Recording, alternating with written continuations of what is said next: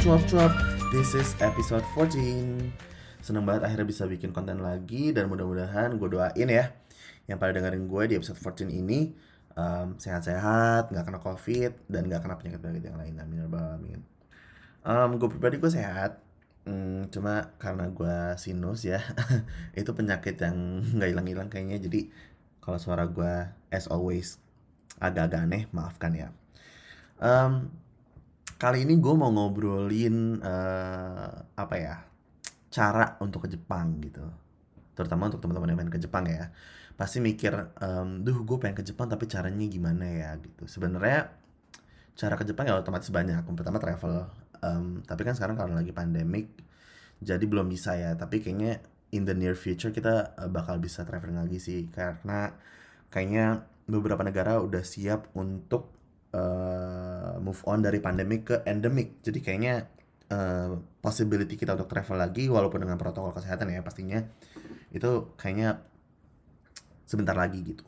So jadi option pertama mungkin travel.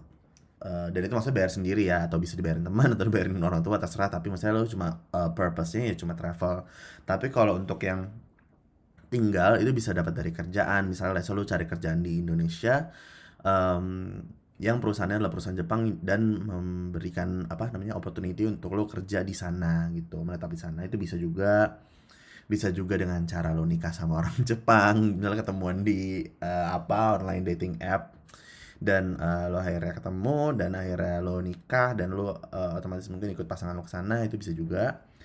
Tapi gue nggak mau yang ribet-ribet kayak gitu. Maksudnya gue juga belum punya pengalaman kayak gitu ya dan uh, kalau gue pribadi kan kemarin empat uh, tahun gue di Jepang itu gue kuliah gitu loh. Dan untuk gue apply aja sebenarnya caranya agak sedikit berbeda. Yaitu kan maksudnya gue apply um, full bahasa Inggris karena kuliahnya juga kelas internasional. Jadi uh, proses apply sampai gue kuliah pun semua all in English gitu. Dan um, ya gue bilang sedikit beda. Kenapa? Karena sebenarnya uh, most of people yang mau berkuliah ke Jepang itu mereka either udah bisa bahasa Jepang dari sananya dari um, misalnya kalau kalau di kasus kita ya tinggal di Indonesia udah bisa bahasa Jepang gitu terus um, kuliah di sana atau ada yang namanya Nihongo Gakko pernah dengar nggak guys Nihongo Gakko Nah, Nihongo Gakko sendiri ini kalau diartikan um, fullnya gitu ya, sekolah bahasa Jepang gitu. Maksudnya secara langsungnya ya sekolah bahasa Jepang, udah titik. Uh, nah, Nihongo Gakko ini pada umumnya adalah sekolah yang mempelajari tata bahasa dan percakapan dalam bahasa Jepang. Tapi lebih dari itu karena namanya juga sekolah ya, jadi di sana sebenarnya banyak kelas-kelas lain dan um, kegiatan lainnya dalam meningkatkan pengalaman si siswanya gitu. Nah ini um, untuk informasi ini sebenarnya uh, gue akan mengundang temen gue yang uh, sedang berkuliah di Jepang, master uh, atau S2. Nah dia dulunya tuh juga sempat belajar di Nihongo Gakko gitu. Mungkin akan lebih banyaknya gue akan ngobrol-ngobrol sama dia nanti. Tapi um, sebelum gue ngobrol sama dia, gue juga sempat um, browsing-browsing lah karena gue jujur nggak um, terlalu tahu banyak soal Nihongo Gakko ini. Yang gue tahu pokoknya um, yang menggunakan uh, apa namanya jasa Nihongo Gakko ini ya mereka-mereka yang tinggal di Jepang gitu, either untuk kerja atau untuk belajar um, atau untuk apa pun itulah. Pokoknya sesuka mereka yang pengen pengen uh, apa namanya pengen nyobain ngerasain belajar di Nihongo Gakko gitu. Nah, makanya di Nihongo Nihongo Gakko sendiri ini banyak uh, program-programnya gitu sesuai dengan aim kita apa, purpose kita apa. Yang pertama ada General Japanese Course. Mungkin ini buat teman-teman yang cuma pengen, ya udah gue cuma pengen, belajar bahasanya aja. Atau let's say, oh gue lagi pacaran sama orang Jepang nih, jadi kayak gue harus belajar bahasanya. Itu mungkin bisa take General Jap Japanese Course. Tapi ada juga yang kayak Business Japanese Language Course sama University Preparation Course. Um, Nah kalau yang bisnis Japanese language course ini gue enggak pas um, apa namanya waktu itu gue pernah internship lah di Jepang ya di suatu startup company gitu dan gue enggak ada beberapa orang di luar divisi gue um, mereka ada satu orang Rusia ada satu orang Jerman ada satu orang Taiwan. Asli Taiwan tapi dia dari Spain. Nah tiga orang ini tuh um, mereka suka ngobrolin gitu apa namanya kayak um, ngomongin hal-hal tentang Nihongo Gakko gitu deh di di kantor gitu kayak permasalahan tentang gurunya atau gimana gimana gue awalnya nggak ngeh kalau itu nih Honggu aku sebenarnya. Karena gue juga nggak terlalu banyak nanya tapi setelah gue nyari, nyari info ini gue baru nggak oh berarti mereka pasti uh, ikut program yang namanya Business Japanese Language Course. Karena ya itu kan udah tingkat uh, perusahaan ya tingkat pekerjaan. Jadi gue rasa itu sih yang mereka butuhin gitu. Karena selain maksudnya ngomong sama saconya sama ya pokoknya bos-bosnya lah itu kan pasti pakai bahasa Jepang itu otomatis ya. Dan uh, walaupun uh, tempat internship gue itu lumayan uh, multinational jadi um, emang semuanya juga bisa bahasa Inggris. Tapi kan lebih enaknya gitu kita berbahasa Jepang karena di Jepang kan. Selain itu juga mereka kan pasti dealing with clients, dealing with uh, partners uh, out of the company gitu kan. That's why mereka butuhin uh, bahasa Jepang itu sendiri gitu. Makanya mereka pilih program itu gue rasa. Nah kalau yang terakhir uh, University Preparation Course sudah jelas ya ini untuk uh, orang-orang yang mau belajar bahasa Jepang untuk uh, dunia perkuliahannya gitu. Ini bisa uh, kamu ambil apabila kamu mau ngambil yang uh, sifatnya apa ya? Karena kan ini nggak semua universitas Jepang tuh ada international class gitu. Jadi let's say kamu apply di mana di kampus mana yang nggak ada international classnya, itu mau nggak mau kamu harus bisa bahasa Jepang dong. Jadi makanya mungkin uh, apa namanya titik berat itu di bahasanya, makanya kamu harus bisa gitu. Tapi ada juga kan yang uh, international class, tapi itu juga nggak apa-apa. Maksudnya let's say ya gue uh, belajar ini hanya untuk uh, masuk dan juga mungkin nanti uh, untuk sosialisasi sama teman-teman di sana kayak gitu kan bisa juga jadi ini benar-benar um, kalau kalian mau ngambil uh, belajar bahasa di Nihongo Gaku itu benar-benar banyak banget optionnya karena sesuaikan dengan aim atau purpose yang kalian punya gitu. Um, singkatnya kayak gitu aja. Sekarang mending kita langsung ngobrol-ngobrol aja sama teman gue. Namanya Riana Rahmani. Nah, sekarang gue udah kedatangan teman gue nih. Hai Riana. Hai. Lagi ngapain lo? Lagi nggak ngapa-ngapain. Oke. Nah, sebenarnya Riana ini tuh gimana ya Ren? Coba lu introduce yourself dulu lah. Uh, Oke, okay. nama gue Riana. Sekarang lagi ambil S2 di Universitas Takushoku di Jepang, jurusan International Cooperation. Asik, mantap mantap. Nah, si Riana ini sebenarnya teman kita nggak temenan ya, Ri?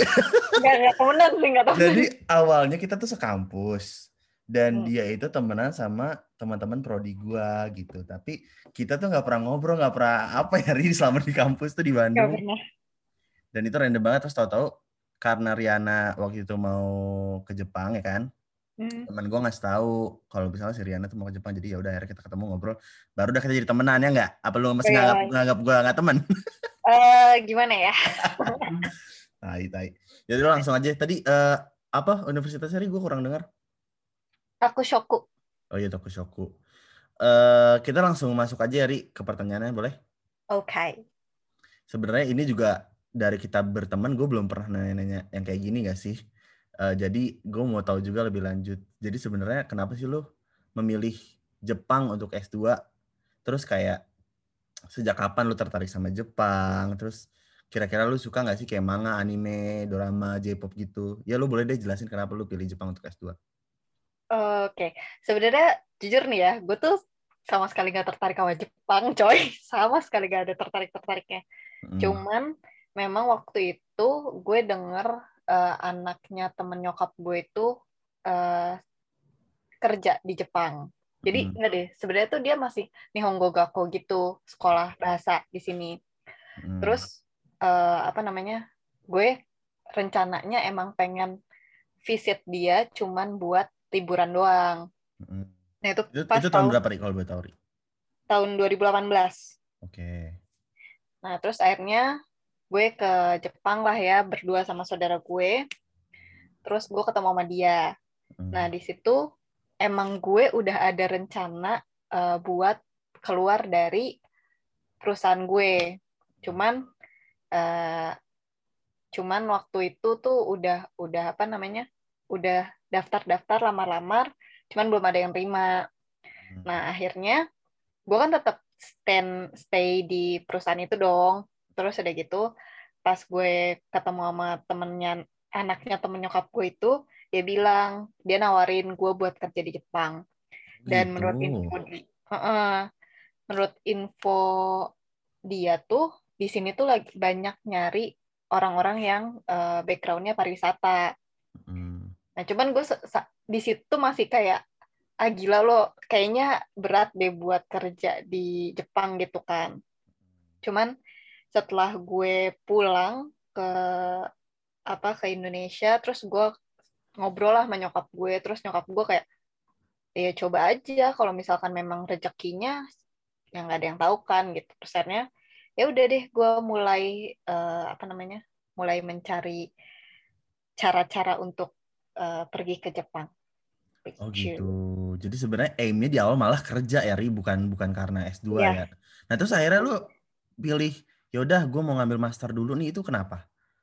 Jadi kan gue udah nyari-nyari apa namanya buat ke Jepang nih, terus kata hmm. teman gue kan, ya lo harus belajar bahasa dulu gitu kan ah. di Jepang dia bilang kayak gitu oke okay, okay, terus okay, gue okay. Belajar bahasa di Jepang kira-kira berapa lama ya gue bilang kayak itu kan enam bulan sebenarnya satu tahun sih paling paling minimum kata dia gitu cuman hmm. Sebenarnya menurut misalkan, menurut testimoni saudara lo itu gitu ya? Iya, uh, anaknya temen nyokap gue. Oh, sorry sorry ya, anaknya temen nyokap lo. Oke, okay, terus? terus kata dia, uh, oh, gue pikir, oh, berarti satu tahun nih ya. Terus kata temen, tapi kata dia sebenarnya kalau misalkan lo udah dapet kerja ya enam bulan pun lo mau keluar dari si uh, sekolah bahasa itu juga nggak masalah kata dia gitu terus akhirnya gue kayak oh ya udah akhirnya gue nyari nyari ini kan nyari nyari agen buat yang bisa berangkatin gue ke sana okay, okay. terus setelah ketemu agen gue ini uh, dia pas tahu latar belakang gue maksudnya uh, ya maksudnya menurut dia kayaknya better lo S2 deh gitu. Daripada lo cari kerja doang, mending lo S2 dulu terus lo cari kerja di sana. Mungkin kayaknya hmm. value-nya lebih dapat dia bilang kayak gitu. Terus gue kayak mikir iya juga sih sebenarnya ada juga maksudnya ya gue nggak ke Jepang tuh nggak cuman buat nambah CV doang gitu loh. Jadi gue kayak oh gue dapat degree juga terus gue kayak bisa juga sih bisa juga terus ada ngobrol sama nyokap gue juga kayak kayak ya udah kalau emang mau uh, apa namanya master ya udah gitu okay, kayaknya okay. tuh udah begitu deh oh gitu oke okay, oke okay, ngerti gue jadi emang dari awalnya sih nggak ada suka sama sekali sama Jepang gitu ya. Tapi kalau sebagai sebagai destinasi gitu lu suka traveling uh, di Jepang gitu? gue awalnya memang tertarik sama kebudayaannya sih. Jadi kayak oh. gue gue suka ikebana gue suka okay, okay. Uh, kimono gitu yang kayak gitu-gitu gue suka sih. Jadi kayak emang pas gue ke sana pun kayak tourism turis spotnya juga lucu-lucu cantik-cantik gitu. Terus jadi kayak ya sebagai destinasi sih suka sih mm-hmm. tadi kan lu juga udah ngejelasin ya kayak awal lu mutusin untuk belajar di Nihongo aku kan gara-gara tadi informasi tadi itu kan yang akhirnya mau ke S2 bla bla bla nah tapi yeah. lu juga mention soal uh, lu tadi nyari agen kan nah mm-hmm lu boleh nyebutin gak sih uh, agen-agen atau institusi yang lo tahu yang available di Indonesia gitu dan apa nama agen yang lo gunain sekarang gitu? Hmm. Gue cuman tahu, uh, gue cempat cuman sempat ngehubungin agen namanya Tokyo Unitas sama Evergreen. Mm -hmm. uh, kalau untuk sama yang Tokyo Unitas itu gue udah sampai video call sama orang Jepangnya. Okay. Cuman yang akhirnya bantuin gue berangkat itu namanya Jakarta Global Group JGG. Gitu. Itu, itu beda beda dari si Tokyo sama si Evergreen tadi ya? Beda-beda. Oke okay, oke. Okay. Dan itu base-nya semua di Jakarta atau luar Jakarta? Nah, yang Tokyo Unitas ini gue kurang tahu ya. Cuman setahu gue kalau Evergreen ini dari Jakarta sih. Cuman kalau Tokyo Unitas itu gue langsung kontak sama orang yang di Tokyo-nya. Oh, jadi bukan agen dari Indo ya? Iya. Itu agen dari sananya langsung. Jadi itu emang langsung sekolah bahasanya sih. Oke, oke, oke, oke. Tokyo Unitas tadi ya. Hmm. Terus yang lo pakai adalah si Jakarta, Jakarta non? Jakarta Global Group. Nah, itu agen, kalau itu agen. Oh, oke, oke, oke. Terus gimana tuh uh, apa service yang lo dapetin di sana dari Jakarta Global Group itu? Gue jadi kan dia tuh sebenarnya cuman uh, perantara doang kan sebenarnya. Hmm. Uh, gue milih dia juga karena emang yang berangkatin anaknya temen nyokap gue itu dia. Oh oke oke oke. Gitu. Terus akhirnya kan di situ uh, mereka ngebantuin buat nge-translate semua dokumen gue Mm-hmm. plus ngasih gue uh, apa namanya les bahasa selama enam bulan. Oke, jadi itu enam bulan berarti preparation gitu ya selama di Indo ya? Yes. Oke, terus terus? Terus ya udah sih, tapi sebenarnya jadi Jakarta Globe, jadi Takushoku ini kan gue emang masuknya ke uh, apa namanya ke sekolah bahasanya Takushoku kan. Nah hmm. ini tuh uh, jadi sebenarnya sekolah bah antara si Jakarta Global Group sama si Universitas Takushoku ini sama sekali nggak punya hubungan langsung. Oh, Tapi ada okay. satu orang yang emang ditunjuk sama Takushoku buat uh, nge-manage seluruh orang Indonesia di situ.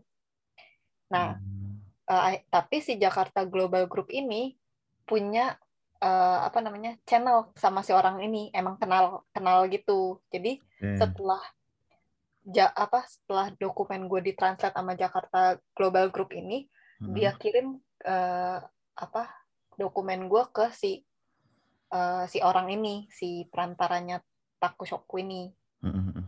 Kichu oh gitu kalau nama nih Honggo Gakko tempat lu sekolah ri yang yang lu bilang di bawah Takushoku itu apa namanya itu Takushoku Daigaku Nihong uh, BK sorry. Takushoku Daigaku BK BK tuh apa? BK tuh itu sih uh, apa namanya? Kalau di Inggrisnya ya in, International Japanese Language eh so, sorry sorry. Intensive Japanese Language uh, course kalau nggak salah. Oh. jadi si ya itulah BK itu kayaknya course-nya itu si Japanese course ya itulah aku juga begitu ngerti sih Oke. Nah, tadi kan lo juga mention emang si Nihongo Gakko ini emang punyanya si Tokushoku ya. Mm-hmm. Jadi kalau dibilang terkoneksi, bukan terkoneksi, emang itu punyanya si Tokushoku gitu ya? Iya, iya. Oh gitu. Emang di bawah under Takushokunya. Oke, oke, oke. Nah, terus gue mau nanya, Ri, uh, apa sih uh, benefit, advantage, dan juga disadvantage-nya dari belajar Nihongo Gakko yang di bawah langsung sama universitas itu apa untungnya? Dan nggak untungnya? Hmm, benefitnya yang pasti lebih gampang buat masuk univnya. Dan menurut gue bobot pelajaran bahasanya juga beda sih sama Nihongo Gakko biasa. Jadi gitu. kalau di tempat gue itu ada kelas bahasa Inggris, uh, kelas bahasa Jepang udah jelas, sama satu kelas pilihan. Nah, hmm. kelas pilihan itu uh, ada banyak pilihannya. Misalnya kayak ada uh, kelas untuk lanjut kayak satu, kelas lanjut S2, karir, terus fokus buat JLPT JLPT sama kanji tuh sama ada beberapa kelas lainnya gitu jadi emang kayak di kelas itu lo bisa bakal benar-benar dibimbing buat persiapan uh, selanjutnya gitu loh mm-hmm. tapi untuk kekurangannya yang jelas waktu buat cari part time-nya sedikit karena gue full dari jam 9 sampai jam 4 itu sekolah terus sama pressure-nya sih beda jadi kalau misalkan di Nihongo Gakko biasa, setahu gue ya, ini gue compare sama temen gue yang di Nihongo Gakko biasa, itu mereka cuman belajarnya cuman 4 jam sehari. Terus ya kayak les biasa aja gitu loh. Dan mereka tuh lebih fokus ke part time gitu. Jadi emang anak-anaknya nggak nggak nggak pengen banget buat gue harus bisa bahasa Jepang nih. Yang pasti tuh kalau mereka tuh lebih ke yang pasti gue bisa part time dan gue bisa conversation itu aja sih sebenarnya kalau menurut gue ya oh gitu tapi kalau misalnya lu ngomongnya kayak gitu berarti bagus bagus tempat lu dong ya gak sih kayak semua dapet oh, tapi ya tergantung sih Vi. Kalau menurut gue tergantung lo mau apa. Soalnya kalau oh, iya misalkan kalau lo mau cari duit di tempat gue berat banget. Karena emang nggak nggak ada waktu buat cari duit gitu. Habis jam 4 itu kayak mungkin udah capek atau gimana gitu ya Ria. Iya, terus juga karena pressure-nya mereka beda, ya teman-teman gue tuh habis kelas nggak langsung pulang. Ya pasti nongkrong di perpus sampai jam 10 malam sampai perpus mau tutup baru balik ke rumah masing-masing tuh kayak gitu udah udah udah pasti sih setiap weekdays. Sumpah lu selama ini gak pernah cerita tentang ini gue gue gue kaget loh. Wow. Eh kayaknya gue pernah cerita deh, nggak pernah lu, ya? Lu nggak pernah. That's why juga gue nanya ini karena lu nggak pernah nanya, eh, apa nggak pernah cerita soal, soal ini sedetail ini sih. Wow. Oke, gue ngerti sekarang. Itu web. Oke, oke, oke, oke. lanjut ya, Ri. Oke. Okay. Terus uh, di sana kan yang pasti banyak-banyak orang luar juga ya. Itu uh, di tempat lo apa belajar itu di Nihongo Gakonya ada warga negara mana aja yang bisa apply? Yang sebenarnya dari mana aja bisa apply sih, cuman hmm. banyaknya sih dari seperti biasa China, Taiwan, hmm. Vietnam. Terus hmm. paling sisanya ada Korea, Indonesia, Nepal, Thailand.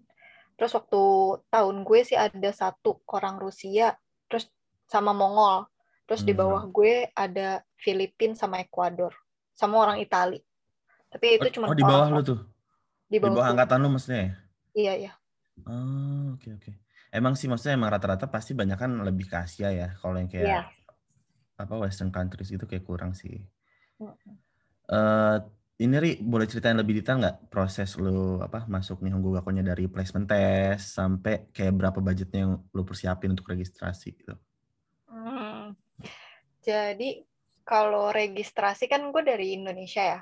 Hmm. Gue registrasi cuman isi formulir terus uh, apa namanya kalau placement test pas udah di Jepang ya jadi hmm. lu boleh ceritain yang di Indo dulu lah oke okay, yang Indo Habis dulu baru ya di Jepang jadi selama prosesnya tuh gue uh, daftar tuh daftar hmm. via uh, form gitu kan semua via tulis lah seperti biasa lo tahu Jepang kan hmm. semua formulir ditulis terus udah gitu di, uh, di dikirim ke perantara plus bayar uh, uang gitu ya? masuk eh oh. uang oh. apa bukan entrance fee uh, apa exam exam fee oke okay, oke okay. terus itu sekitar sepuluh ribuan sepuluh ribu yen oke okay.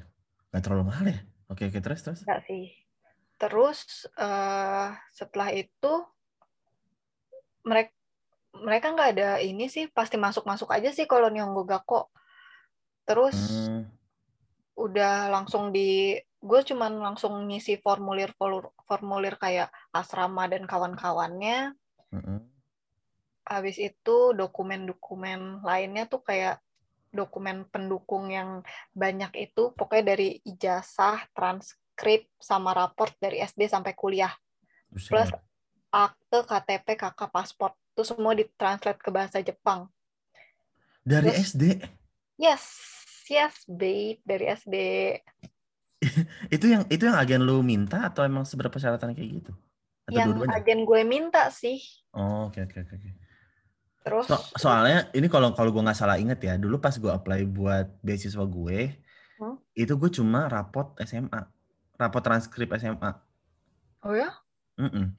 dan malah gue nggak perlu eh tapi kampus gue beda sih gue malah nggak perlu translate ke Japanese bahasa Inggris boleh Oh, karena kan lo emang ini kan. Iya, iya, emang beda kasus sih. Oke, oke, lanjut, lanjut. Cuman kalau gue mungkin plus di imigrasinya sih, buat imigrasi, coy, buat COE dan kawan-kawannya. Kalau menurut gue sih ya, kenapa ditranslate ke Jepang? Entahlah, gue juga gak ngerti. Iya, kayaknya kayaknya emang beda kasus aja, Ri. Soalnya kan kalau COE gue juga butuh itu. Gue kan oh, iya. juga untuk itu. Lanjut, Ri. Ya udah, lanjut. Terus, uh, sampai mana tadi? sampai dokumen-dokumen pendukung itu. Hmm. Udah kan, udah dikirim, udah semuanya. Terus ya udah gue tinggal setelah dapat uh, apa namanya dapat COE, gue langsung ngurus visa. Habis itu ya udah tinggal berangkat. Terus hmm. pas di Jepangnya, nah gue itu harus bayar nih Honggo Gakko itu cash. Demi apa lo? Demi apa? Ini serius loh? Serius. Cash, itu duit, duit, duit. Cash, coy. Duit. Iya, cash dengan yen. Jadi gue bawa duit tuh sekitar, kan gue satu semesternya 250 2.500 yen ya. Sekitar 35 jutaan. Oh, oke, okay, oke. Okay. Huh? Terus? Plus, gue harus bayar, apa gue juga nggak ngerti itu buat apa ya, 30 ribu yen. Oke, okay. terus? kayak gue itu bawa semua dan itu nyampe Jepang. Nah, cuman enaknya di gue itu ada penjemputan. pas tahun gue Hmm. dijemput eh, terus gue dianterin ke asrama Hmm. terus ya udah beres-beres dan kawan-kawan plus ngurusin dokumen-dokumen kayak Zairi Kado kayak Hmm. KTP-nya Hmm. gitu di sini udah dibantuin tuh semua sama Nihongo Gakko-nya terus udah gitu langsung lah kita dibawa ke bank buat Hmm, bikin rekening. break- eh, bikin rekening plus eh, apa ingkang dan kawan-kawan tuh kan Oh, semua jadi satu ya. Hmm, dan By the way, ingkang itu cap, guys. oh iya cap. Biar biar ada yang apa kalau nggak ada yang tahu kita kasih tahu. Terus terus, Ri. Oke. Itu yaitu bayar duit itu juga tuh buat Hmm. bayar sekolah dan kawan-kawan kan. Hmm. Terus gue untuk placement testnya itu di sekolah gue kan ada dua kelas tuh, kelas bahasa Inggris sama kelas Jepang. Oh, Yoi yoi. Nah, kelas Jepangnya itu dari kelas A sampai H. Kalau oke. kelas Inggrisnya itu dari 1 sampai eh enggak, dari A sampai D. Hmm. Eh Boleh sampai E, nih, sorry sorry, sampai E. Bo- Boleh tahu Ri itu A sampai H itu A paling paling tinggi atau A paling rendah? A paling rendah. Oke oke terus. Eh, tapi sekarang karena corona nyusut jadi lima kelas gitu, sedih gak sih? Buset berarti. Oh ya udahlah lanjut lanjut dulu jangan diomongin dulu lanjut dulu. Terus Terus? eh ya udah setelah itu langsung placement test deh. Oh gitu. Oke oke oke. Tadi kan lu juga mention tadi yang bayar satu semesternya 35 jutaan itu ya? Berarti emang lu bayarnya per semester, bukan per course atau per bulan per tahun tuh enggak? Enggak per semester.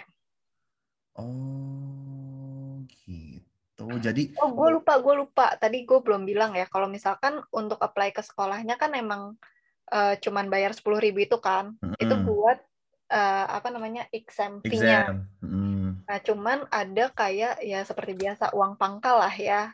Pokoknya Hmm. sekitar pokoknya totalnya tuh sebelum gue berangkat tuh 15 sampai 20 juta. Itu di luar tuition. Oke, 10 sampai 20 juta uang Hmm. pangkal. 15, 15 sampai 15. 20. Itu itu bukan yang bukan yang 30 ribuan itu bukan ya? Mungkin itu sih, mungkin itu sih. Eh, tapi kan 30 ribuan cuma berapa? 400 ribu. Ah, 30 ribu yen, Alfi, 3 juta, 4 juta dong. Oh ya 4 juta, 4 juta. Iya, tapi kan ini juga 15 sampai 20. Itu plus, gue nggak ngerti deh. Pokoknya itu sekitar 15 sampai 20 deh. Itu plus juga ada uang yang 10 ribu itu udah termasuk. Pokoknya 10 ribu plus ti- 30 ribu ya. Terus plus, oh 15-20 juta itu plus kan gue eh, buat ke agennya itu 5 juta buat eh, dokumen, translate dokumen. Banyak banget terus terus. 5 jutanya buat eh, apa namanya? les. Jadi 10 juta tuh cuman buat dokumen plus les. Ini ini yang di luar uang pangkal kan, Ri? Itu udah termasuk, udah termasuk. Oh, udah termasuk. Oke, oke, oke, oke. Pokoknya 15 sampai 20 juta tuh udah termasuk uang pangkal, uang les, uang dokumen plus uang exam. Oh, kalau kalau kayak gitu ya ya wajar sih segitu nilainya. Wajar sih, wajar. Wajar, wajar. Oke, oke, oke. Nah, terus pas nyampe sana baru bayar yang per semester itu gitu ya. Yes. Nah, itu kalau misalnya pembayaran untuk semester selanjutnya itu via cash lagi kah atau apa transfer? Cash, beb, cash, semua cash. Demi apa loh? Serius. Ih. Ini nih Honggo Gakonya doang apa apa emang sistemnya kayak gitu ya? Enggak sih, kita bayarnya ke eh, apa namanya? ke bank sih sebenarnya. Oh, tapi oke oke I get it, I get it. Cuman kita jarang pakai bank itu gitu. Jadi otomatis pasti cash gitu loh. Kayak apa sih semacam semacam transfer tunai tapi lu ke teller gitu ya? Iya. Betul, betul, betul, betul, betul. betul. Oh gitu. Gue kira kayak lu ke kampus terus kayak Enggak, nih enggak. sejumlah uang 35 juta. Itu kocak sih. Ada. Oke, Rin lanjut ya. Oke. Tadi kan di awal lo mention so, eh, apa adanya eh apa tuh temennya nyokap lo itu bilang eh, enam bulan atau setahun. Itu sebenarnya proses pembelajaran itu berapa lama, Ri? Yang yang lo jalanin itu sampai bisa sampai level tertentu atau kita bebas pilih seberapa kita mau belajar gitu? Enggak sih sebenarnya gue aja cuma setahun. Temen gue ada yang enam bulan, tapi udah keterima di universitas dan Jepangnya juga udah jago, jadi dia keluar enam bulan. Sebenarnya nggak ada, cuman memang normalnya uh, setahun minimal, maksimal. Kalau maksimalnya yang ditentuin dari pemerintah emang dua tahun, nggak boleh oh. lebih. Oke oke oke oke. Gitu. Even misalkan nih, even lo mau masuk nih Honggo Gakko A, hmm. terus uh, pindah gitu ya? Pindah itu nggak bisa pokoknya total nih Honggo Gakko tuh cuma dua tahun gitu. Oh gitu mungkin ini akal-akalan bukan akal-akalan sih emang peraturan pemerintah supaya orang-orang luar nih nggak stay lama kali ya gitu ya Ri betul hmm, tapi bukan si teman kita yang itu dia dia dua tahun ya? Si yang A. mana ya? si A yang cowok. Si A. Yang gendut. Ah yang gendut? Yang agak gendut lah gemuk. Yang oh sering, enggak enggak. Dia kan dia dia dua tahun kok. Dia dua tahun oh, pas langsung, dua tahun pas ya? Uh -uh. dia dua tahun hmm. langsung uh, daigaku. Oke oke oke. Sip sip sip terus uh, lanjut dari tadi kan lu juga so, sempat mention kayak ada kelas bahasa ada kelas tambahan um, yep. itu sistem subjek-subjeknya itu kita yang milih sendiri apa dipilihin sini Honggo Gakko nyari itu udah paket sih Vi Oh, paketan. Udah paket. Cuman di luar itu semua ada kelas tambahan yang bisa lo pilih. Cuman ya saya terlalu malas ya untuk mengambil tambahannya. Karena di luar jam sekolah gitu loh. Jadi habis sekolah, lo kalau misalnya mau nambah, misalkan ada kayak kelas TOEIC, kelas TOEFL, terus kelas IGU yang buat masuk Daikaku, gitu-gitu. Anjir, tapi itu bukannya sayang ya lu, lu ngambil bukannya karena lu udah bayar apa apa itu ekstra tambah lagi? Enggak sih, gue ambil gue di akhir ambil kelas TOEIC sama TOEFL karena gue emang diharuskan sama pembimbing gue. Gitu. Oh gitu. Ya udah tadi kan kayak perintilan-perintilan kita udah udah banyak tahu ya dari lo. Mm-hmm. Sekarang gue pengen lebih dengar cerita yang benar-benar cerita sih, kayak yang lo anggap berat sama ini apa, terus yang lo anggap menyenangkan selama proses pembelajaran lo di sana itu kayak gimana. Soalnya tadi kan lo mention juga yang soal pulang Nihongo aku juga lo masih belajar sampai jam 10 malam di perpus tuh gue lumayan shock sih. kayak kayak pantesan aja si Riana sampai sampai lu sakit kan ya kan beberapa kali yang yang lu telepon gue. Iya. Soalnya jujur aja pas pas saat lo curhat ya tentang masalah-masalah lo di Nihongo Gakko, gue cuma bisa relate karena emang bahasa Jepang susah mm-hmm. gitu loh. Gue cuma relate di bagian itu karena ya kan gue juga curhat ke lo ya, Ri, kalau misalnya gue lagi kesusahan bahasa Jepang atau apa gitu kan. Yeah. Iya. Tapi kan maksud gue, gue selama ini cuma ya susah pertama bahasa, kedua mm. gue nggak cocok sama guru-gurunya gitu kan. Kalau masalah gue, jadi gue cuma ah mungkin si Riana begini karena ya apa yang gue rasain gitu loh. Tapi ternyata di, luar, di luar dari itu tuh ada. Nah lu bisa cerita lebih detail nggak yang lain-lain tuh? Yang yang yang ini dulu deh, yang berat-berat dulu deh. Ntar baru yang seneng-senengnya yang berat-berat. Hmm. Kalau gue sih ngerasanya sebenar awalnya berat sih, Vi. Kayak gimana sih lo di pressure nih ya? Jahatnya teman-teman gue itu. Gue tahu sih teman-teman gue tuh baik sebenarnya ya. Dia tuh pengen gue maju. Cuman mereka tuh uh, ngedorong gue nya tuh kayak ngejek gitu loh. Ngerti gak sih lo? Karena gue kan sama sekali gak bisa bahasa Jepang kan. Hmm, awal -awal mereka tuh kayak ya. uh, uh, mereka tuh kayak yang lu ngerti gak? Lu ngerti gak? Gitu. Makanya belajar yang kayak gitu-gitu loh. Jadi kan hmm. gue nya juga ngedown. Anjir gitu kan. Gue gue segini banget sih gitu. Gue sampai nggak hmm. mau gue diajak main tuh gue nggak mau keluar. Karena gue kayak hmm. nggak gue harus fokus belajar dulu gitu loh.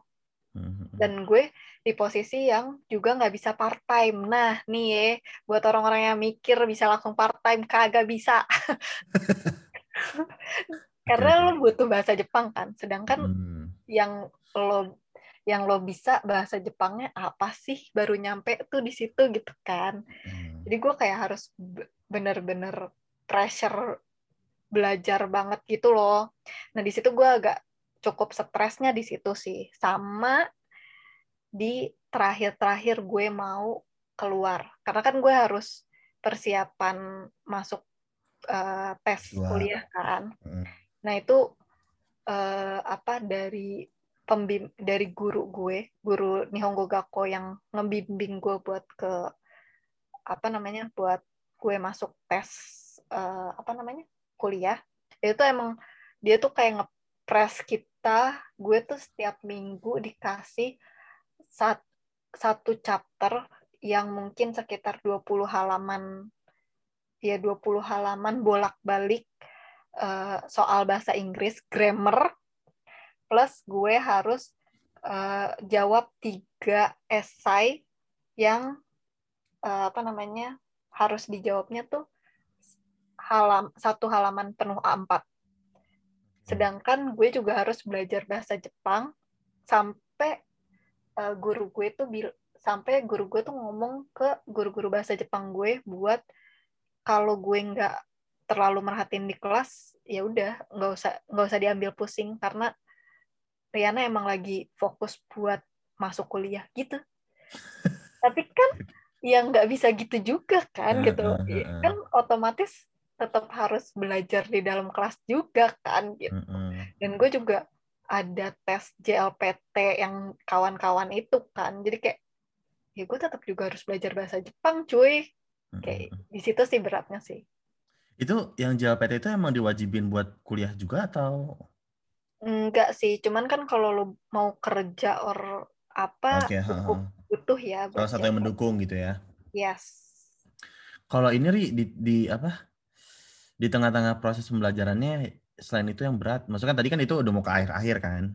Mm-hmm. Selama setahun itulah yang yang berat-berat, yang lainnya ada nggak? Lu ngerasain nggak cocok sama gurunya juga nggak sih kayak gue? Gue lupa deh. Ada sih, cuman nggak terlalu apa ya. Gue tuh nggak suka di kalau jadi kan gue naik tingkat nih, naik kelas. Di semester akhir tuh gue masuk ke kelas agak tinggi tingkatannya, cuman guru-gurunya tuh kayak kayak nggak ada passion buat ngajar gitu loh.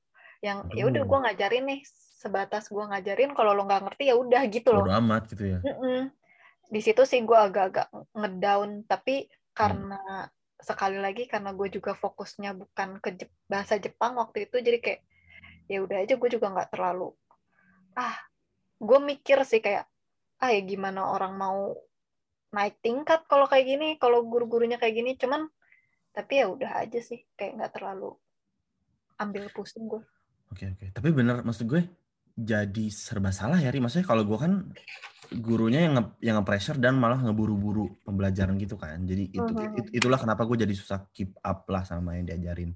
Tapi kalau lu justru malah si gurunya yang yang, yang kagak punya semangat gitu ya. Itu yeah. susah sih, bener itu juga bikin berat sih jujur. Jadi nggak termotivasi sama sekali ya. Iya, makanya gue juga kayak jadi wali kelas gue tuh udah bilang kan, kamu kalau mau ngambil N2 dari sekarang bisa loh. Terus gue kayak ya gimana gue bisa ngambil S2 dengan guru-guru yang kayak gini cuy? Ngerti ngerti. Ya gue buang-buang duit buat tes. Uh -uh. anjir. Oke okay, oke. Okay. kalau yang menyenangkannya ri selama proses pembelajaran di sana? Menyenangkannya yang paling asik sih pas lagi field trip sih. Jadi gue ada setiap semester tuh gue ada field trip gitu. Hmm. Mes kalau itu sorry sorry. Itu gratis atau udah sama yang lo bayar di per semester itu gratis dong. Makanya asik. Oke, okay, oke. Okay. Terus, terus? Nah, itu gue semester pertama, gue nginep field tripnya di hmm. di Ryokan. Niko bukan sih? Iya, iya, iya, Niko, Niko. Oh, oke, okay, oke, okay, oke. Okay. Asik juga ya nginep di Ryokan gitu. Di Niko Asik. Lagi. Terus, terus? terus? Ya, walaupun gue nggak masuk onsen juga sih ya, cuman asik lah rame-rame gitu kan. Terus di semester kedua gue ke akuarium di yang di Yokohama. Gue belum pernah tuh. itu di mana ya, Rik? Di, aduh gue juga nggak tahu, cuman deket ya sekitaran Kapramen dan kawan-kawan itulah. Oh, gue pikir akuarium yang di ini Shinagawa kan Shinagawa juga ada tuh yang gede. Bukan oh, ya? enggak, enggak, bukan, bukan. Oke, oke, oke udah tuh yang nyenang yang nyenengin filter doang itu doang apa teman-temannya kah atau oh oke okay. teman-temannya Iya, ya yang lo tahu juga kan ya teman-teman gue seabsurd apa ya, Bo. Iya. Tapi yang pasti uh, keuntungannya lo apa namanya ke mana pun sih kalau lo kuliah di luar tuh pasti lo dapet teman internasional kan. Itu yang paling seru kalau menurut gue. Jadi ya lo bisa lihat uh, karakteristik-karakteristik di Mm-mm. negara aja gitu sih. Mhm, ngerti gue. Jadi ya lu nggak cuma belajar bahasa doang jadinya kan lu jadi belajar konsep Mhm. lain juga gitu-gitu ya. Yes. Sekarang juga saya sudah mulai lancar berbahasa Korea. Annyeonghaseyo. Annyeonghaseyo. Baik. Oke oke oke sip sip sip. Udah tuh itu aja yang nyenengin. Iya, itu doang sih kayaknya. Oke. Eh tadi kan lu udah sempat mention tuh yang soal guru lu males-malesan. Itu Mhm. satu orang doang kah atau yang lain tuh sebenarnya bagus-bagus aja? Terus eh, yang gue penasaran juga ini sih Ri, kan kalau teman-teman mah pasti internasional ya kan? Mhm. Tapi kalau guru-guru di Ni- Nihongo Gakoi sendiri internasional atau dari Jepang semua? Jepang semua gue. Gue shock sih. Sorry gue agak diem nih karena gue shock. Kenapa shock ya? Enggak karena eh shock sih itu yang guru yang eh, malas-malas itu ternyata orang Jepang. Gue pikir dari Inter. Kalau m- mungkin bukan males ya, cuman apa ya? Nggak pedulian gitu ya. Heeh, tipe-tipe yang ya udah gue ngejelasin terus suaranya tuh yang kayak Pelan gitu ya. lembut, terus lama-lama kita tertidur gitu. Terus Aduh. mereka juga kayak. Nah, satu yang gue heran itu bedanya sama gue nggak ngerti apakah ini tabiat orang Jepang kah atau enggak. Cuman kalau di sekolah di Indonesia pasti lo ditegor dong kalau lagi tidur ya. Cuman kalau di Jepang dibiarkan. Hmm. Di di di sekolah gue tuh kayak ya udah aja gitu kalau lo tidur ya udah malah kayak udah udah biarin nggak usah dibangunin kasihan gitu. Jadi mereka tuh menganggap mungkin di luar jam belajar di sekolah tuh mungkin ada part time lah, ada belajar di perpus lah, mungkin anggapan mereka seperti itu kali ya. Jadi kayak ya lo udah capek ya, ya udah gitu kasihan gitu. Gue juga nggak ngerti deh. Itu gue bisa relate sedikit sih, karena di kampus gue juga gitu. Jadi kalau emang yang tidur, bener-bener dibiarin tidur. Kecuali dia making noises gitu, ngorok. Itu baru dibangun. Dan bahkan ada yang sampai disuruh keluar tuh ada. Cuma kalau misalnya bener-bener tidur dan dia calm gitu aja, ya didiemin sih, dibiarin aja. ya kan sama gue juga gue juga agak agak culture shocknya di situ sih kayak ah oh oke Oh sama ini Deng, kalau misalnya dalam kelas misalnya gue ada satu yang kita harus eh, bikin grup discussion, ya itu dia harus dibangunin. Udah itu aja sih. oh ya ya ya Itu make sense aja kan. make sense make sense Eh, terus Ri, selama setahun itu menurut lo apa overall si Nihongo Gakko ini sebenarnya kondusif nggak sih untuk belajar bahasa Jepang? Karena kan maksudnya gini, teman-teman gue juga banyak yang otodidak gitu loh, Ri. Jadi dari sebelum dari apa sebelum ke Jepang di Indo tuh dia kayak belajar sendiri, yang kayak beli apa Minano Nihongo sendiri kayak gitu-gitu loh. Kalau menurut lo Hmm. belajar di Nihongo Gakko tuh sebenarnya kondusif gak? Especially buat orang Indo deh. kalau di Nihongo Gakko gue sih kondusif sih kalau menurut gue maksudnya Hmm. Eh ya mereka juga mungkin kalau di tempat gue karena mereka udah punya goalnya masing-masing sih Goalnya kan Hmm. buat masuk rata-rata masuk universitas ya which is Hmm. ya masuk ke universitas otomatis bahasa Jepangnya udah emang harus selevelan N2 kan. Jadi kayak Hmm. mereka emang kayak eager to learn gitu loh kalau gue sih. Eh, selain itu mus- ini nggak maksudnya bisa nggak sih kita lihat dari faktor misalnya eh, kondusif karena jebolan-jebolan juga langsung lancar atau gimana gitu? Menurut lu gitu nggak? Atau nggak Hmm, juga? bisa jadi sih maksud gue ya itu yang gue bilang eh, gue compare sama temen gue yang di Nihongo Gakko lain tuh kayak nggak maksudnya progresnya nggak secepat gue gitu loh sombong Hmm. maksud gue cuman Terus gue mm, gitu. Ya dilarang ya. Terus, terus. maksud gue cuman emang ya emang kelihatan gitu loh progresnya kalau di tempat Mhm. gue emang rata-rata temen-temen gue juga kayak cepet gitu loh progresnya yang dari sama sekali nggak bisa ngomong terus ya udah mulai bisa ngobrol tuh cepet gitu kalau menurut Mhm. gue ya Oke. Karena bener sih tadi kalau ngomongin goal ya itu tadi kalau di yang lain mungkin ya karena pengennya part time doang jadi conversational cukup gitu ya Ri. Mhm. Oke oke sip sip sip. Ini kita move on ke kampus perkampusan sedikit ya. Oke. eh tadi kan lo udah mention juga beberapa lah dikit-dikit, tapi gue pengen tahu lebih detailnya sih kayak proses penerimaannya lo gimana. Terus ada tes apa enggak? Yang IGU-IGU itu lo ada apa enggak? Itu IGU kan bacanya IGU kan? AGU. IGU, heeh. Terus kayak lu nyiapin motivation letter atau enggak, recommendation letter atau enggak, dan dokumen-dokumen yang lain. Coba ceritain dah proses dari Kalau- awal dari penerimaannya. Kalau gue kan gue master ya. Kalau master Hmm. tuh rata-rata nggak ada IJU itu sih. Oh, Yang IJU itu cuman buat S1 doang. oke. Terus?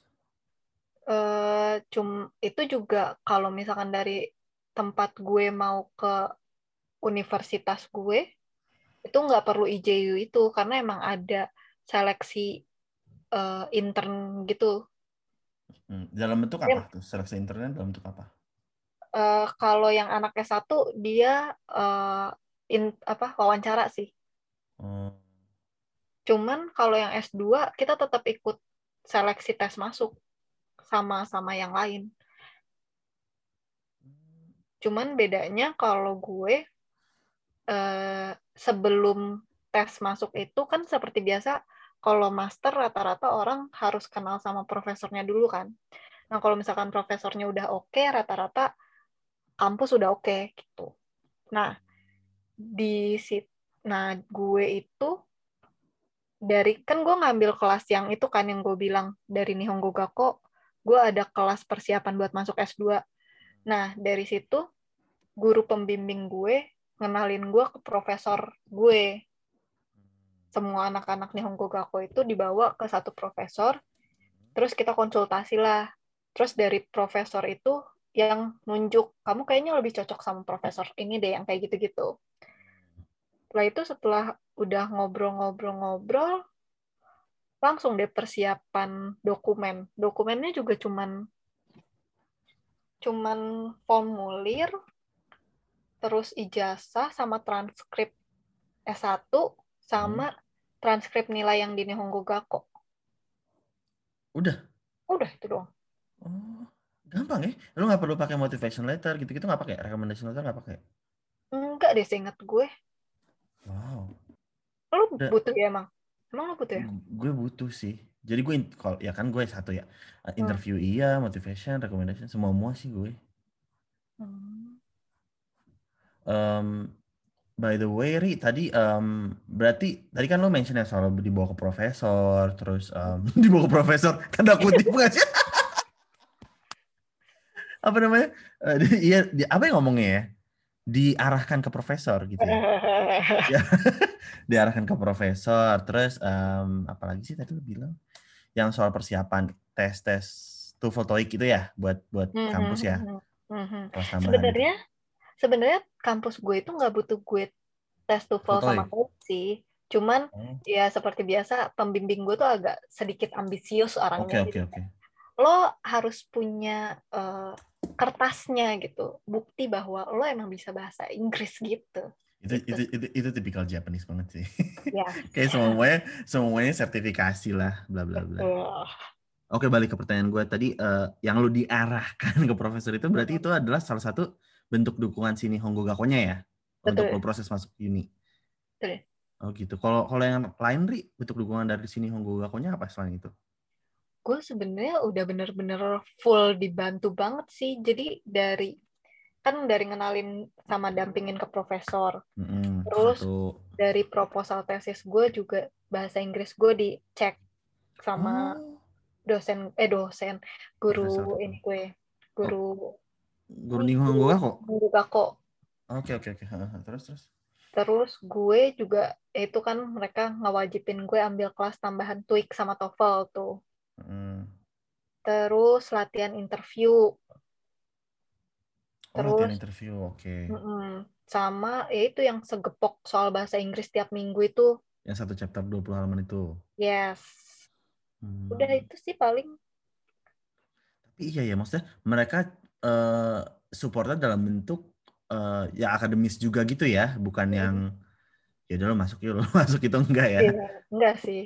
Mereka kayak benar-benar emang kalau menurut gue maksudnya em kalau jal apa ya kalau di Indonesia kan kesannya kayak jalur dalam tuh ya udah lo nggak usah ngapa-ngapain yang pasti lo pasti bakal keterima gitu kan cuman kalau di sini even lo 90% pasti masuk tuh kayak mereka benar-benar cukup uh, strict juga sih dengan standar mereka gitu loh. Jadi kayak kalau bahasa Inggris kamu kayak gini kayaknya nggak bagus deh kayak gini gitu loh.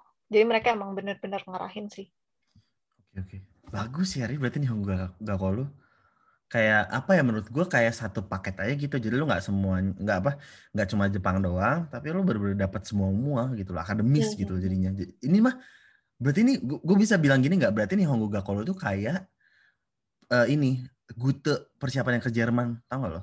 Aduh nggak tahu say. Nah, soalnya ya pokoknya ini gue juga nggak tahu banyak ya nggak gue nggak tahu detail. Cuma kalau gue udah dengar cerita lo ini sih mirip sama Gute sih Gute itu persiapan uh, buat ke Jerman gitu dan dia tuh nggak cuma belajar bahasa Jerman ya itu nomor satu yang pasti harus mm-hmm. dan dia kayak kita gitu loh ada JLPT-nya gitu semacam JLPT-nya gitu proficiency oh. test gitu mm. sampai level tertentu dan dia juga tuh bela- uh, les jadi kayak kayak bimbel juga jadi lu kayak belajar IPA lagi IPS lagi MTK lagi dalam bahasa Jerman gitu-gitu loh Iya, iya, iya, iya, iya. Ya. Emang lu mungkin gak sedetail itu, tapi at least maksud gue kan emang lu title-nya lebih ke persiapan S2 gitu kan jadinya ya. Iya, sebenarnya ada sih itu untuk persiapan IJU itu kan ada kayak oh, iya. matematika, fisika gitu-gitu. Oh, tapi itu satu itu ya. Iya, itu dan itu kelas tambahan sih. Jadi kalau lo mau ngambil ya silahkan, mau nggak ngambil ya udah gitu. Cuman dari kampus, eh, dari sekolah nyediain gitu. Mm-hmm. Oke, oke, sip. Oke lanjut Terry. Uh, hmm. Terus gue mau nanya seberapa besar sih uh, persentase siswa yang dari Nihongo Gakolo sampai hmm. ke masuk ke university. Itu ada berapa banyak besar persentasenya? Jujur ya, ini dari kemarin gue cari datanya pun nggak ada. Maksud gue, hmm. gue juga nggak tahu maksudnya uh, seberapa persentasenya. Cuman selama gue di situ dan hmm. teman-teman gue itu rata-rata yang emang mau lanjut ke universitas tuh semua keterima. Wow dan nggak cuman Universitas Takushoku doang, ada universitas lain juga. Tapi ya kalau universitas lain ya bisa dibilang uh, sama Nihongo Gakko gue kayaknya nggak terlalu banyak. Maksudnya apa ya? Ya itu termasuk effort mereka masing-masing gitu gak sih kalau gue sih ngeliatnya gitu. Oke. Okay. Oh, oh iya. Berarti maksudnya gini ya, kalau misalnya universitas universitas lain ya lu hmm. nggak ada kayak preparasi yang kayak lu lakuin gitu ya diarahin ke profesor gitu itu nggak ada sama sekali ya. Mereka nggak ada. sendiri gitu ya. Nggak ada. Cuman kalau misalkan S1 itu ya paling itu uh, apa namanya mereka kan nyediain kelas-kelas tambahan yang tadi gue bilang itu kan. Mm-hmm. jadi mungkin itu ngebantu buat lo ngedapetin uh, nilai yang bagus di IJU yang emang IJU tuh kayak kayak ini loh kayak dulu tuh kayak kita kayak nem gitu Hmm. Nah, buat masuk ke sekolah universitas ini nemnya harus segini, yang kayak gitu-gitu. Itu kayak ini nggak sih, Ri? Malah kayak kayak misalnya kayak SPMB gitu nggak sih IJU itu? Iya, iya kayaknya lebih kayak gitu kali ya. Ya udah sejauh ini sih kayaknya itu itu aja yang pengen gue tanyain sama lo. Thank you udah ngasih info-infonya yang gue cukup wow ternyata kayak gini ya gitu gue nggak tahu. Dan uh, maksudnya gue juga bisa lihat dari lu sih, lu juga maksudnya kan dari awal kita temenan juga lu kayak di Yoshinoya aja lu gak bisa mesen apa-apa kan ya? Gue inget banget tuh kayak awal-awal kita makan, eh Yoshinoya, Yoshinoya bukan sih? Awal kita ketemu. Eh. Pokoknya kayak gyudon gyudon gitu kan yang kita uh, makan. iya iya. Tapi sampai akhirnya lu berapa bulan aja tuh lu, lu langsung lebih cepat daripada gue gitu. Jadi kayaknya Manihongo Gakko lu bagus sih. Ya, cuman kan lo juga karena lo fullnya bahasa Inggris, cok. Oh iya sih. iya juga ya. Iya. Dan emang iya sih emang beda sih penerapannya. Ya udah. Uh, ini dari pesan-pesan buat teman-teman nih yang mau misalnya ngambil kelas bahasa Jepang di Nihongo Gakko atau misalnya yang mau ngambil S2, kira-kira mesti apa yang dipersiapin ya? Kalau dokumen-dokumen dan duit kan itu ya semua orang tahu ya Jepang yes. mahal gitu. Tapi yang lain-lain di luar dari itu gitu loh. Apa yang harus kita persiapin sebenarnya? Yang persiapin selain itu adalah mental sih. Hmm. Sama mental maksud gue uh, ini orang-orang yang ke Jepang tuh kadang kayak di kayak merasa indah gitu loh di Jepang. Misalkan mereka suka anime nih. Yeah, iya. Terus kayak wah gila di Jepang tuh bakal banyak anime apa segala macam. Enggak men cuy, enggak. Kayak lo harus bener-bener mikirin lo tuh mau ngapain di Jepang gitu. Karena kayak it's not easy gitu loh di sini gitu. Betul, Terus betul. kayak misalkan ya kalau gue nggak bisa bahasa Jepang, at least gue bisa bahasa Inggris. No, nggak kepake bahasa Inggris lo di sini. Jadi kayak lu ya lu tahu kan maksudnya kayak di supermarket ngomong bahasa Inggris betul. mereka juga nggak akan ngerti gitu. Betul betul betul. At kayak, least basic Japanese lo harus bisa ini gitu ya, Ri. Iya. Dan terus, mereka terus. tuh kayak sebenarnya kalau menurut gue mereka cukup uh, nggak orang Jepang tuh nggak suka sama orang yang nggak bisa bahasa Jepang ngerti gak sih lo ngerti ngerti ngerti ya kan jadi mm. ya pertama lo harus bisa bahasa Jepang at least basic mm. terus yang misalnya yang sekali lagi gue mau ngasih tahu gue tuh dulu tuh sering diiming-imingin tenang aja sampai sana bisa langsung part time bohong beb. Mungkin bisa ya kalau misalkan lo emang udah punya kenalan orang yang kerja di pabrik atau yang bahasa Jepangnya udah jago tuh mungkin bisa langsung part time gitu. Cuman hmm. ya kalau misalkan lo nggak bisa bahasa Jepang or lo nggak punya kenalan ya lo harus benerin bahasa Jepang lo dulu biar bisa kerja gitu. Betul betul betul. Itu setuju tapi gue mau nambahin juga sih karena kan kalau gue juga kasus gue gue nggak bisa bahasa Jepang tapi gue dapet part time ri. Ya kan? Gue ingat kan lo? Mm -hmm tapi memang maksudnya pertama nggak gampang, kedua emang gue di perhotelan tuh nggak terlalu butuh conversation langsung sama customer kan karena gue uh, right. kebanyakan cleaning gitu. Benar, tapi, tapi maksudnya emang benar yang lo bilang bahwa ya lo harus bisa kalau mau part time yang langsung dapet ya lo harus bisa gitu ya Ri. Iya dan sebenarnya kalau menurut gue tergantung daerah juga sih. Kalau daerah hmm. gue tuh kan tinggal di daerah benar-benar kantoran terus yang yang nggak ada nggak ada pabrik atau segala macam jadi bakal susah banget buat nyari uh, eh, part time yang nggak butuh ngomong bahasa Jepang oh. terus uh, apa namanya ya bisa langsung kerja tuh susah sih kalau menurut gue gitu yang dekat sama rumah hmm. itu terus yang terakhir paling pilih nih Nihongo Gakko yang sesuai sih jadi maksud gue hmm. lo apa namanya yaitu mungkin lo mikir gue ngomong dari tadi tuh Nyonggo gue, Nyonggo Gakko gue bagus, cuman belum tentu kalau misalkan belum emang tentu ya.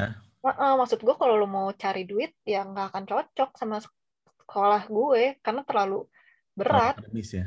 Uh, uh, dan nggak ada nggak ada waktu buat kerja gitu. Hmm. Oh, sama satu lagi yang terakhir kalau misalkan lo mau S2 tuh pikirin dari Indonesia mau neliti apa Soalnya kalau pas mau daftar S2 lo harus udah punya pro tesis proposal tesis. Hmm. Itu sih paling. Itu lo yang terakhir curhat ya, Enggak, gue gue udah mempersiapkan proposal tesis gue dari Indonesia, cuy. Oh, oke okay, mantap mantap mantap. Gue kira lo curhat. Enggak, cuman emang masih agak bingung aja sih pas nyampe Jepang. Oke okay, oke. Okay.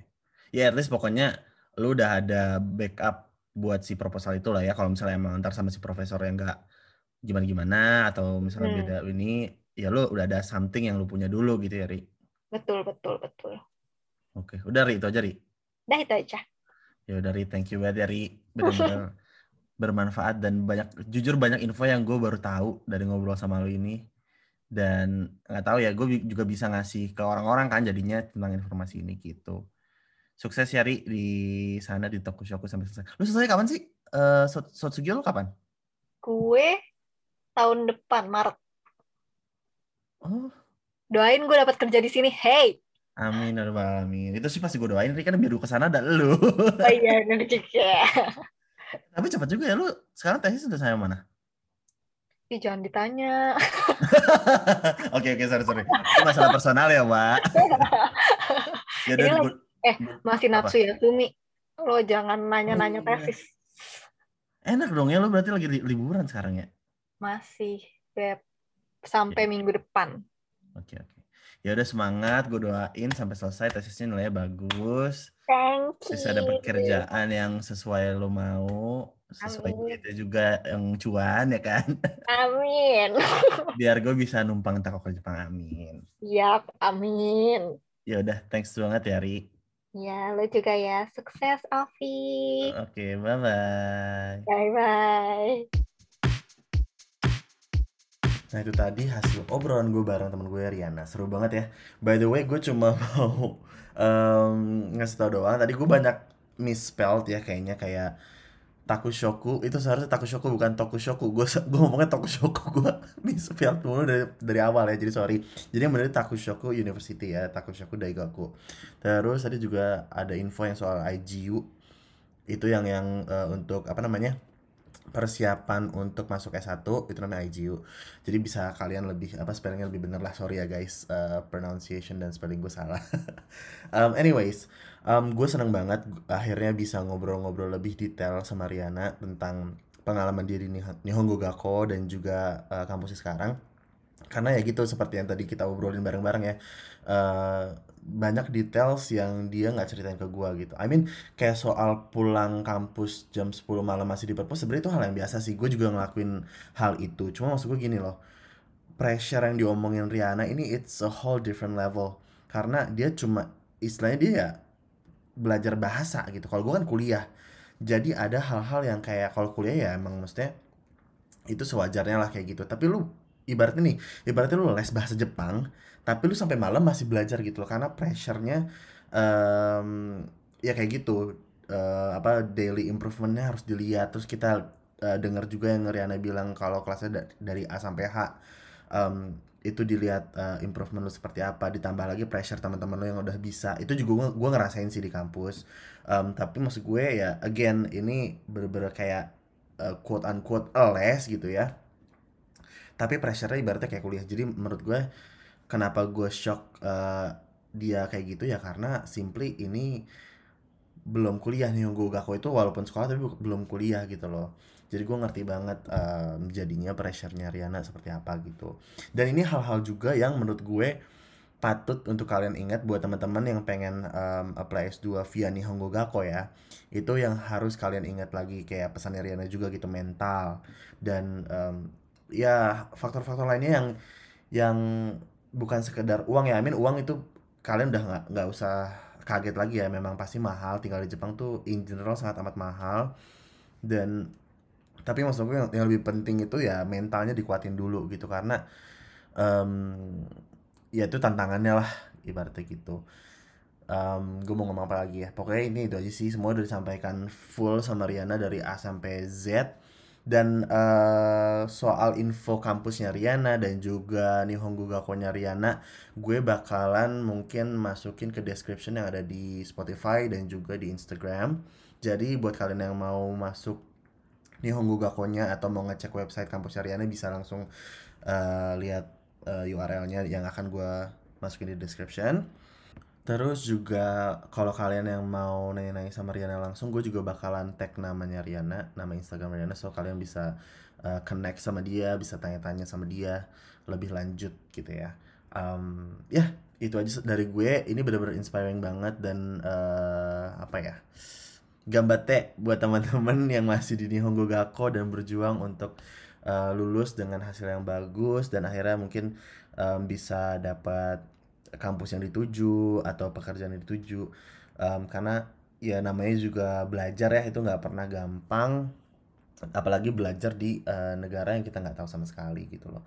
Um, ya udah dari gue itu aja sampai jumpa di episode 15 oke? Okay? bye bye